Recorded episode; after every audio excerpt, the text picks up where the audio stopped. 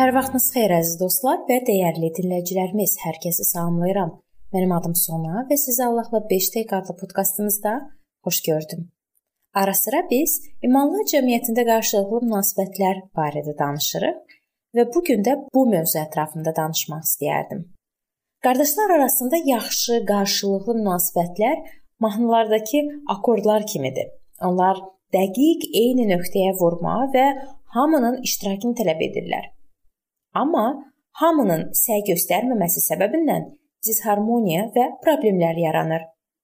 Əgər insanlar bu problemlərə məhəl qoymasalar, onlar çox böyük narazılıqlara və imanlar cəmiyyətinin parçalanması ilə üzləşə bilərlər. Qardaşlar arasında cismani fikir ayrılığından yaxa qurtarmaq üçün nə etmək lazımdır? Xüsusən imkan daxilində tez tətbiq etsəniz, bir neçə müqəddəs kitab prinsipi əməlli başlı kömək edə bilər. Artıq münaqişə alovlandıqdan sonra insanları Allahın iradəsi barədə düşünməyə vadar etmək çətin olacaq. Buna görə də böhran anında edəcəyiniz hərəkətlərin ardıcıllığını əvvəlcədən götür-qoy etməlisiniz. Bu mövzumuzda biz Məsihçi İmanlar Cəmiyyətində müqəddəs kitaba uyğun olaraq bir-birimizə necə münasibət bəsləməli olduğumuzu müzakirə edəcəyik. Gəlin birinci nəzərimizi xidmətçilər arasında münasibətlərə salaq. 1-ci Peter 5 5-6-da yazılıb: Ey gənclər, ağsaqqallara tabe olun. Hamınız bir-birinizə itaatkarlıq göstərin. Çünki Allah məğrurlara qarşıdır, itaatkarlara isə lütf göstərər. Allahın qüdrətli əli altında özünüzü aşağı tutun onda Allah sizi vaxtı çatanda ucaldacaq. Demək ki, birinci tabe olmaq və itaatkarlıqdır. Çox vaxt adama elə gəlir ki, Məsihçi imanlar cəmiyyətinin xidmətçiləri digərləri ilə müqayisədə mürəkkəb qarşılıqlı münasibətlərdən daha az əziyyət çəkirlər. Amma həqiqət bunun əksini deyir. Onların münasibətlərində çətinliklər düşündüyümüzdən daha tez-tez baş verir. Buna bir neçə faktor təsir eləyir. Xidmətçilər Allah kəlamının öyrənilməsində səy göstərirlər və həqiqət hesab etdiklərinə olduqca ciddi yanaşırlar. Onlar öz təcrübələrində qazandıqları bilikləri yaxşı xatırlayırlar. Bundan əlavə, xidmətçilər müəyyən hakimiyyətə malikdirlər.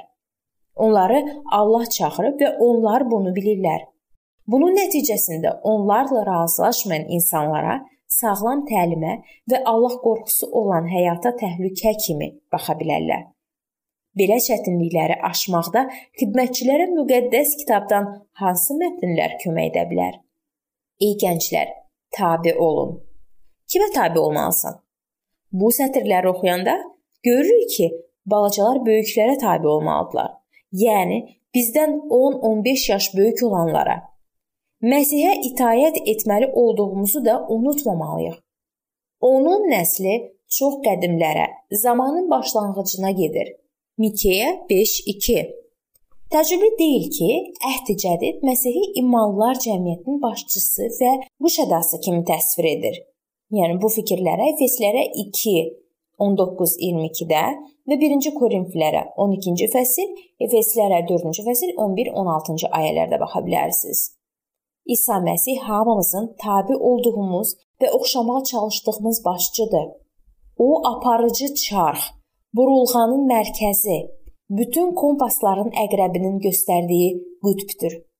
İmanlar cəmiyyətinin birliyi ondadır və nə qədər tam olaraq itayət edirik, bir o qədər hamımız bir olacağıq. Üstəlik, biz həmçinin böyük qardaşlara və imanlar cəmiyyətindəki başçılara tabe oluruq. Allaha üz tutandan sonra Paul bundan sonra nə etməli olduğu barədə Rəbdən soruşdu. İsa bilavasitə Paula göstəriş verə bilərdi, amma o bunu etmədi. Onun əmri belə oldu: Qalx ayağa, şəhərə get və nə etmək lazımdırsa, sənə deyiləcək. Bu həvarilərin işləri 9:6-da yazılıb.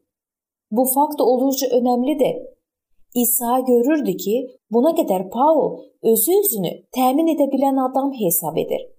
Buna görə də Paula ilk dərsini verir. Başqasını, Xananiyanı dinləməyi öyrənsin. Bu mövzunun davamını əziz dostlar biz növbəti görüşümüzdə araşdırmağa davam eləyəcəyik.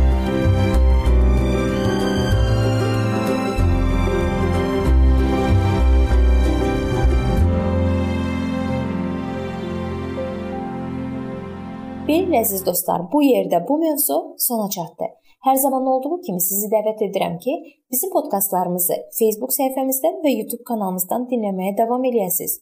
İndi isə mən sizinlə sağollaşıram və növbəti görüşlərdə görmək ümidi ilə sağ olun, salamat qalın.